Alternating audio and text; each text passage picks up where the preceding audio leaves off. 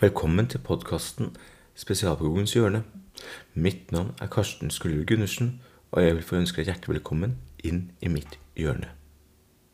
Dette er første episode i serien om mine erfaringer med et utvalg av kompenserende digitale verktøy. Og det fine er jo at man i dette yrket til stadighet kommer i kontakt med nye verktøy, slik at de planlagte episodene ikke nødvendigvis er og blir de eneste episodene. Før jeg går videre, la meg gi en kort forklaring av hva jeg mener med kompensatoriske verktøy. Det ligger egentlig i begrepets ordlyd kompensatorisk. Dette er altså verktøy som skal kompensere, gjøre det enklere, utjevne, gjøre eventuelle fartsdumper mindre, slik at man i større grad får mulighet til å utføre en oppgave oppnå mestring, utfylt sitt potensial, og at man får brukt ressursene sine på en mest mulig hensiktsmessig måte. Widget Online, som her til lands distribueres av Nordmedia, er et program for å skrive med symboler. For elever som er sterke visuelt, og som kan gjøre nytten av dette, denne støtten i arbeid med tekst, er Widget Online og lignende programmer av god verdi. Men det forutsetter, som ved bruk av all pedagogisk programvare, man er godt kjent med bruken. Når det er sagt, i løpet av de årene jeg har brukt Widget Online, både på PC og på iPad, så har jeg blitt kjent med et program som har et vell av muligheter, også hva gjelder kompensatoriske verktøy. Av de to nevnte, så er det PC som jeg primært har tatt i bruk i de siste årene. Men selv om det er noen år siden jeg brukte Widget Go, som er navnet for iPad-versjonen, så tenker jeg at for de elevene hvor det er mer hensiktsmessig å bruke touchskjerm, med en enklere brukeropplevelse, så vil Widget Go kunne representere et godt alternativ. Men la meg få snakke mer om Widget Online for PC. For å starte. Programmet er lisensbasert. Det er i og for seg greit nok, for man får som sagt et godt utvalg av muligheter. I tillegg så er det mulig, litt avhengig av lisensen man kjøper, å legge til flere brukere. I dette ligger det at man velger ut én som har det administrative ansvaret. Ettersom programmet er nettbasert, via innlogging, via nettside, så blir alt lagret i en sky, hvilket også gjør programmet mer tilgjengelig. Og selv om de grunnleggende funksjonene er relativt enkle å få oversikt over og ta i bruk, så er, som alle programmer, viktig å sette av tid for å gjøre seg kjent med programmet og dets funksjoner slik at man, når det skal brukes i undervisning, oppleves som en god opplevelse for både lærer og elev. Men som med alle programmer og opplegg, så vil det dukke opp noen fartshumper her og der.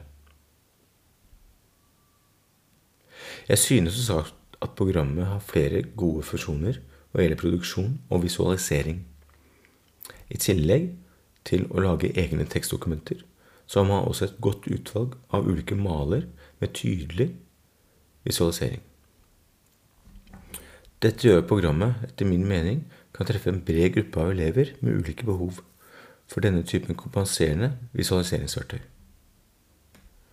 Men én ting er malende, hvor du finner både ukeplan, timeplan og arbeidsplaner osv. En annen ting er tekstskapningsverktøyet. I tillegg til at det er oversiktlig, tydelig visualisert hva gjelder de ulike funksjonene, og skrive på ulike språk, endre det visuelle uttrykket, tale til tekst og mulighet til å lese opp teksten, så er også verktøyene for symboler godt utviklet.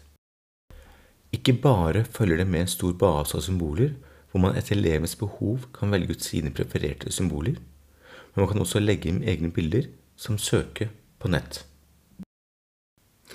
Dette gjør at man får en fin kombinasjon mellom de mer høyfrekvente og daglige ordene og de mer personlige og nære ordene.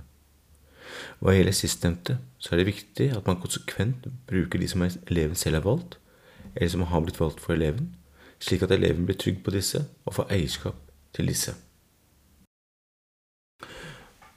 Hva gjelder det visuelle uttrykket, så bør det også gjøres en individuell avveining av hvor mye tekst og symboler det skal være på en side. Hvor mye luft skal det være mellom linjene? Hvor store skal symbolene, bokstavene, være? Skal alle ord være symbolisert? Har eleven forståelse for hva hvert symbol betyr? kan det skape mer forvirring enn forståelse. Mye og mer som man bør ta stilling til. Når man så har laget et dokument, så har Widget Online gode verktøy for lagring. Man kan enkelt lage en egen mappestruktur, f.eks. etter fag, temaer eller dager. Man kan også dele mapper med andre brukere. Det siste jeg vil nevne, er den fine muligheten for å skrive tekst, men ikke minst dele dokumentet som en lenke.